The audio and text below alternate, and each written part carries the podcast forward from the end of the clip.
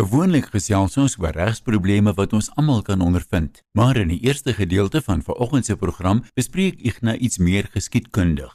Jonger luisteraars het dalk nog nie eers gehoor van die Nuremberg verhore nie. Môre Ignas.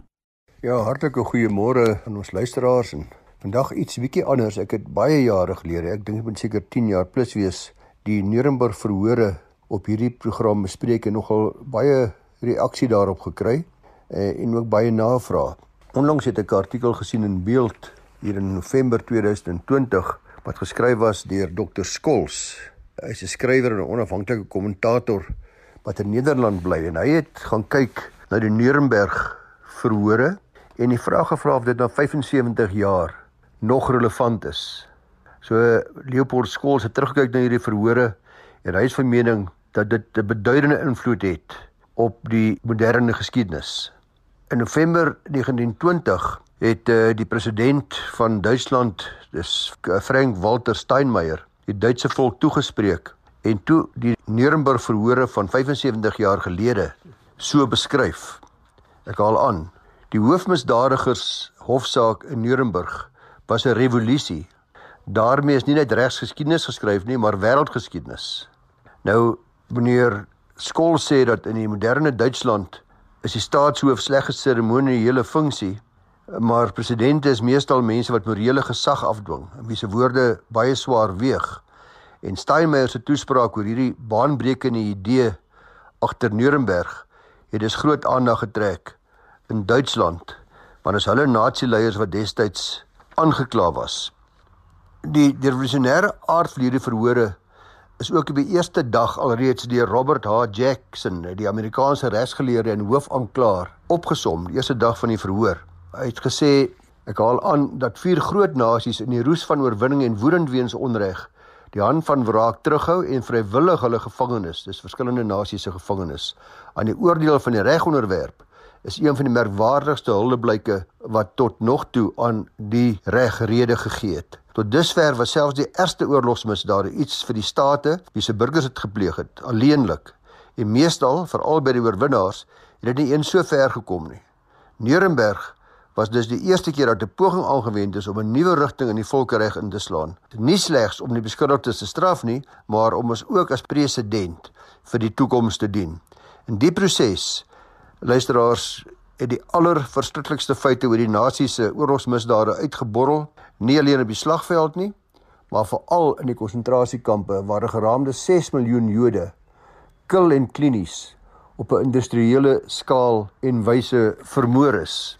Net 'n bietjie meer oor die verhore self. Na die Tweede Wêreldoorlog moes die geallieerde magte se leierskap besluit hoe hulle die nazi-leiers voor die reg sou bring.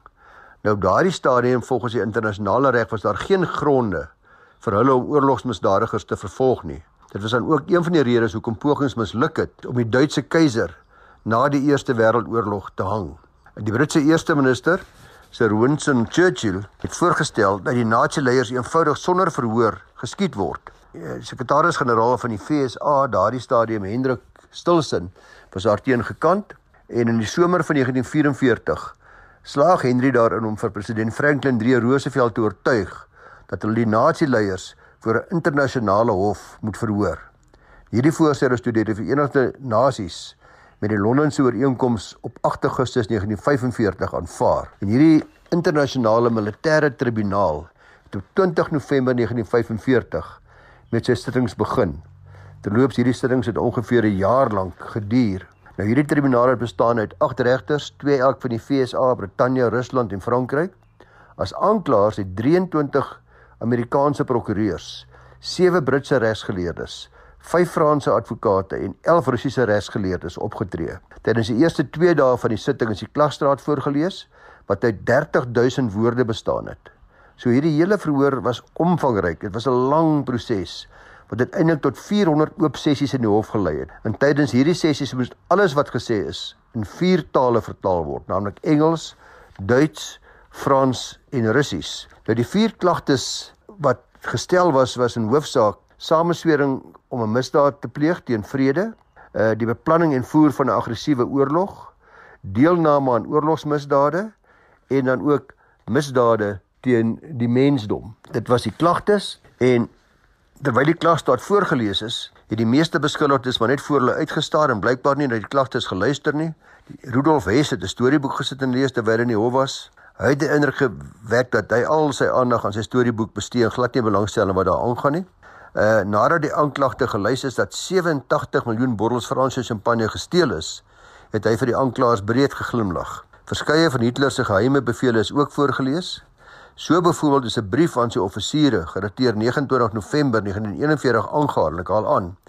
Die Führer het besluit dat St Petersburg uitgewis moet word. Einde van aanhaling. Net so kort en bondig 'n hele stad moet uitgewis word. Selfs die regsverteenwoordigers was baie duidelik emosioneel sê hulle, terwyl die klagtes een na die ander voorgeles is. Op die derde dag moes die skuldiges bevestig oor hoe hulle op al die klagtes pleit.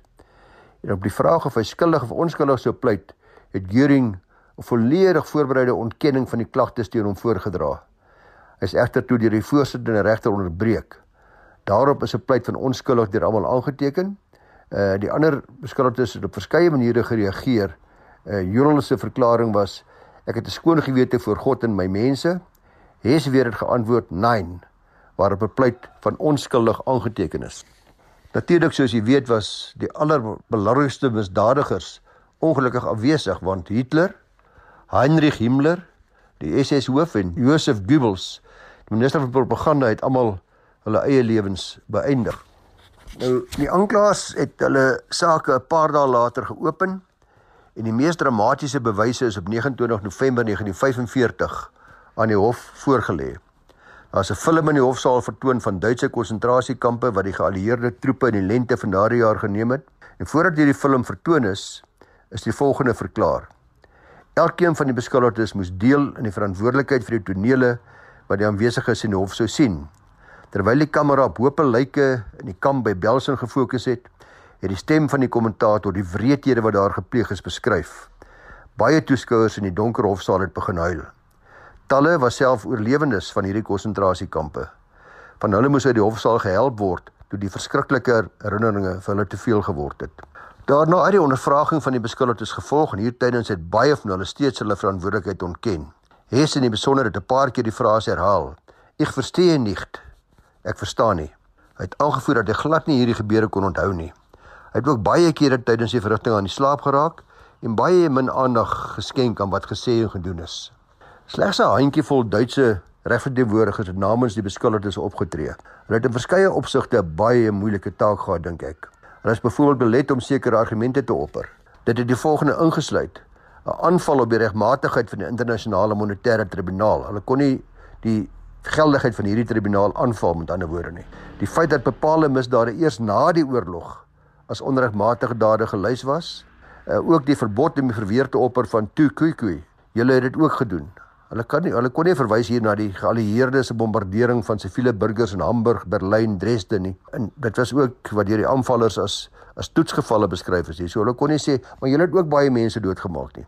Hulle kon ook nie uitwys dat die nasies verhoor is daarvoor dat hulle ander lande aangeval het terwyl dieselfde in 1939 deur die geallieerdes met Finland en in 1945 met Japan gedoen is nie. So die verweere is redelik aan bande gelê en hulle spesifiek net tot sekere verweere beperk. Nou die mees doeltreffende teenargument dink ek stem almal saam is deur die beskuldigde self voor die hof gelê, veral deur Göring. Hy het op 13 Maart 46 begin getuig, gewapen met 'n groot hoop notas. Verskeie skrywers oor die verhore was hoogs beïndruk met sy onverskrokkenheid en sy selfvertroue en die Amerikaanse aanklaer Robert H. Jackson was glad nie voorberei om so bevoegde getuie behoorlik te kruisondervra nie. Hy was in verskeie opsigte deur Göring uitoorlê. Toe Jackson in 'n stadium sy notas de mekaar laat raak het, het Göring in 'n poging natuurlik om snaaks te wees kliphard aangebied om hom te help sodat hy die ondervraging kon voortsit. Nou luisteraars, die voorlegging van die aanklaers, die kruisondervraging van hierdie 22 beskuldigdes het tot Julie 46 geduur. Vanaf 26 Julie 1946 het die aanklaers hulle finale argumente voor die hof gelê, waarna die hof 'n maand lank verdaag het om 'n gepaste vonnis te oorweeg. Op 1 Oktober 1946 het die regters hulle uitspraak gelewer. Slegs 3 van die 22 beskuldigdes is vrygespreek. Dis naamlik Papen, Schacht en Fritsche. 9 aangeklaagdes is skuldig bevind aan minder ernstige misdade en tot langtermyne gevangenisstraf gefonnis. 11 beskuldigdes is op al vier klagtes skuldig bevind en tot die dood veroordeel.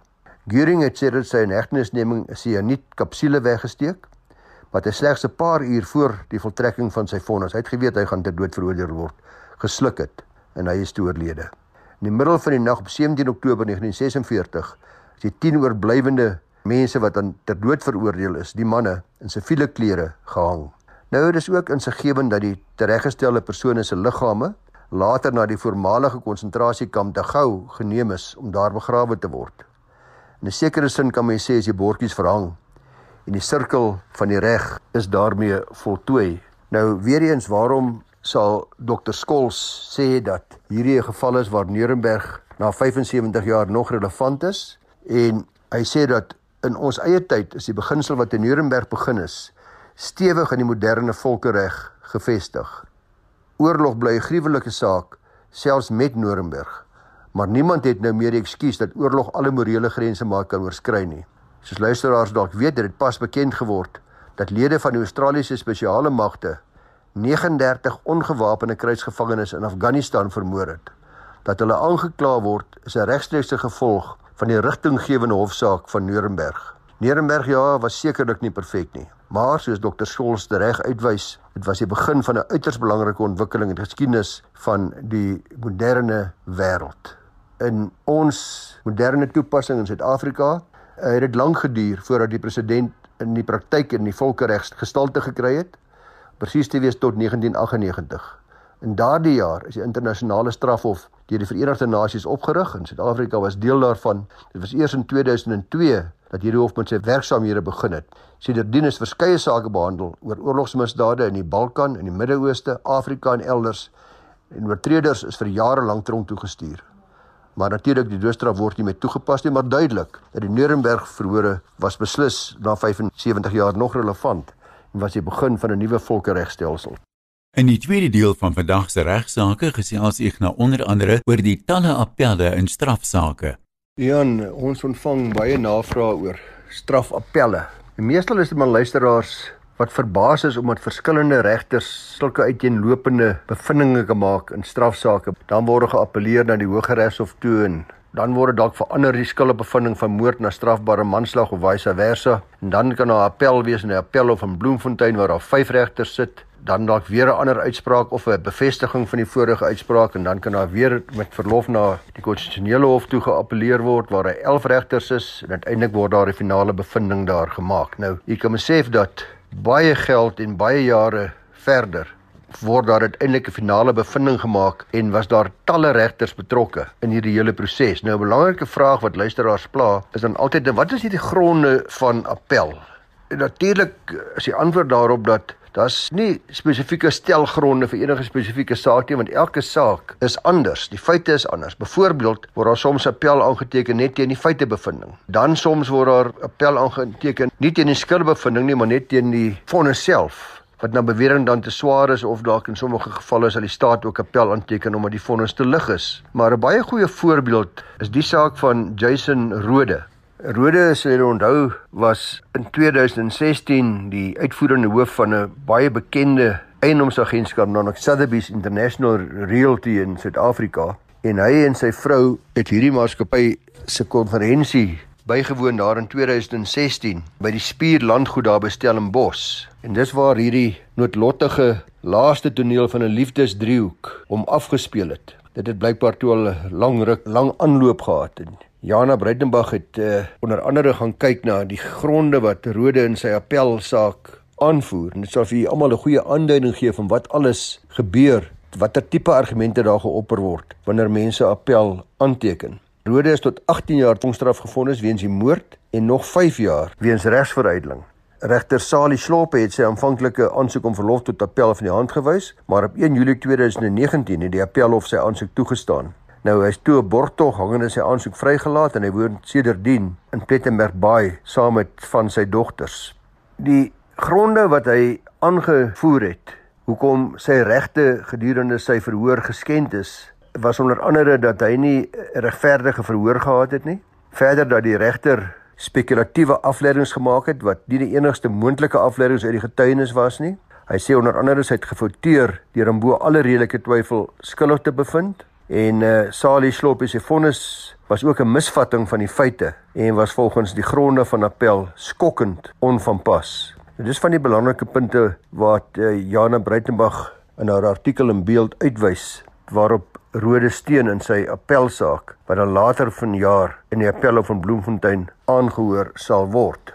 Onder andere ook word gesê dat die regter hom op verskeie punte verkeerdelik skuldig bevind het. Natuurlik staan die staat hierdie appel teen en die staat voer weer aan dat die hof het inderdaad die regte afleidings gemaak Rode maak ook beswaar daarteen dat spesifieke getuies verkeerd gehanteer is. Hy sê Desmond Daniels, die werknemer van Spier, wat die oggend die badkamer deur oopgemaak en Susan se lijk gevind het, sy weergawe as enkel getuie is aanvaar, terwyl mens met altyd enkel getuies met groot omsigtigheid beheen. Die staat sê weer daar was geen rede vir Daniels om te lieg oor wat hy gesien het nie. En as 'n mens Rode se getuienis met Daniels se vergelyk, is die twee stelle getuienis onverzoenbaar. En uh Die staat beweer ook dat Daniel se getuienis deur omstandigheidsgetuienis ondersteun word. Woorde aan die ander kant voer ook verder aan dat die hof vir die staat se mediese getuienis van Dr Akmal Kutse Khan en Dr Deidre Abrams net so aanvaar en nie aggeslaan op Rode se kenners se eie getuienis nie. Dr Reggie Perimal en Dr Isak Loftus is deur Rode geroep om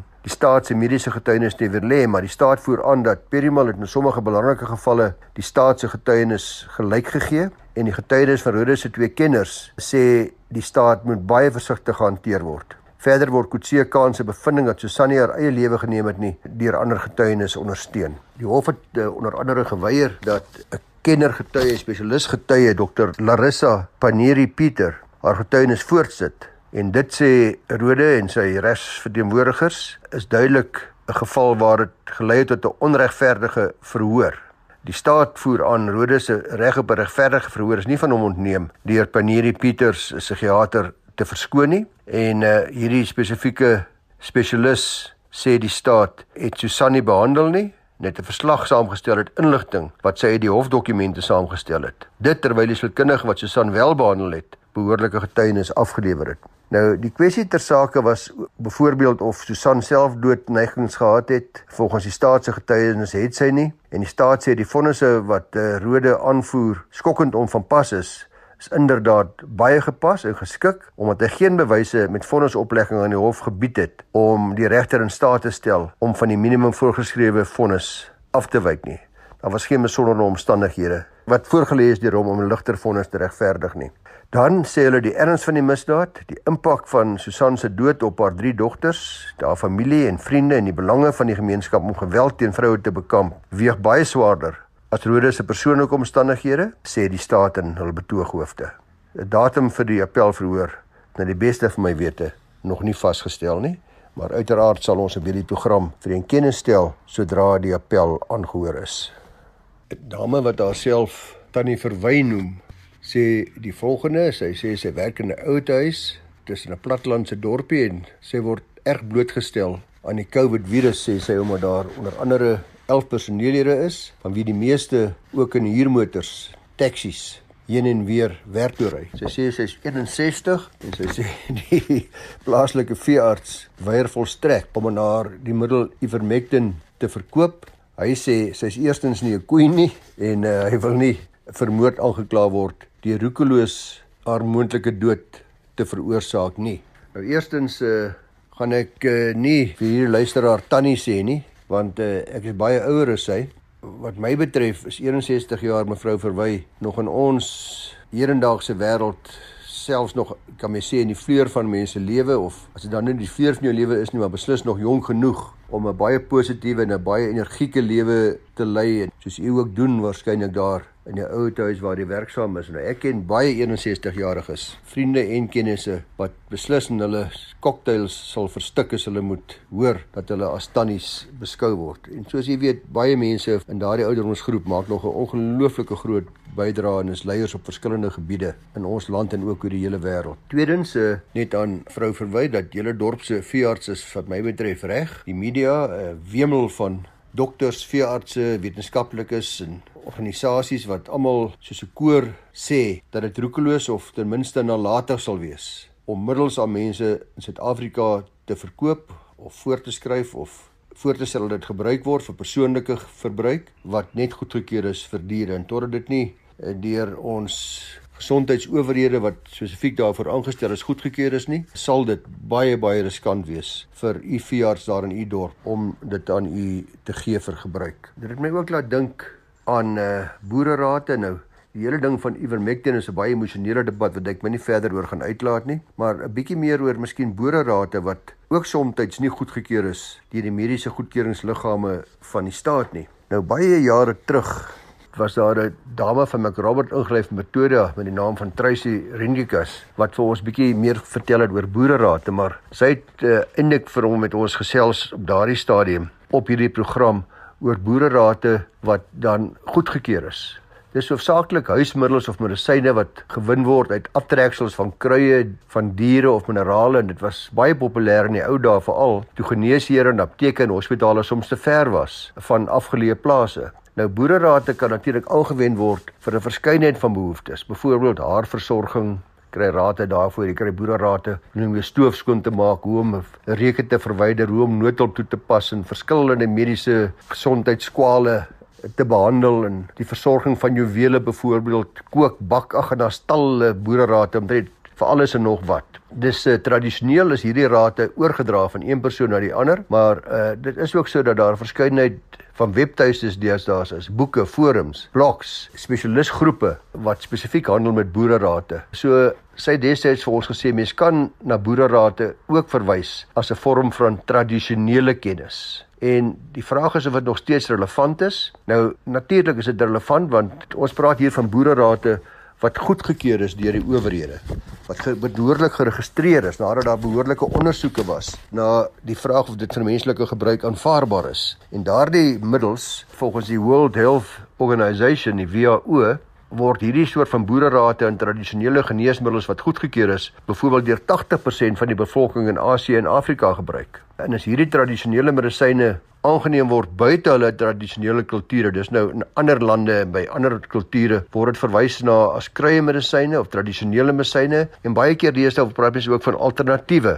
medisyne. Maar hierdie gebruik van hierdie alternatiewe medisyne of dan spesifiek van kruie medisyne kan natuurlik ook baie winsgewend wees. En soos met baie ander produkte is dit dikwels ook dat daar namaaksels daarvan gemaak word en dan is die vraag kan hierdie mense wat hierdie kruie medisyne gemaak het en wat en wat dit beskikbaar het, kan hulle deur die wet beskerm word. Byvoorbeeld om dit te patenteer of handelsmerk daaraan toe te ken en uh, ons het bietjie daaroor gesels en daar's farmaseutiese maatskappye het oor die jare hier in praktyke in ontwikkelende lande ondersoek om oplossings te kry vir kwale En byvoorbeeld as jy maatskappy weet watter kry mineraal of diereproduk gebruik word vir behandeling van siektes, dan word dit getoets in laboratoriums. Daar word verskillende moderne tegnologieë toegepas en die chemiese samestellings word geïdentifiseer en uiteindelik as dit nuut en vindingryk is, is dit moontlik om so 'n patent te registreer en kommersieel te benut. Uh, en dit kan gedoen word sonder dat enige voordeel terugvloei na hierdie inheemse of die ou tradisionele gemeenskap waar dit aanvanklik gebruik was. Ter voorbeeld het sy byvoorbeeld gewys destyds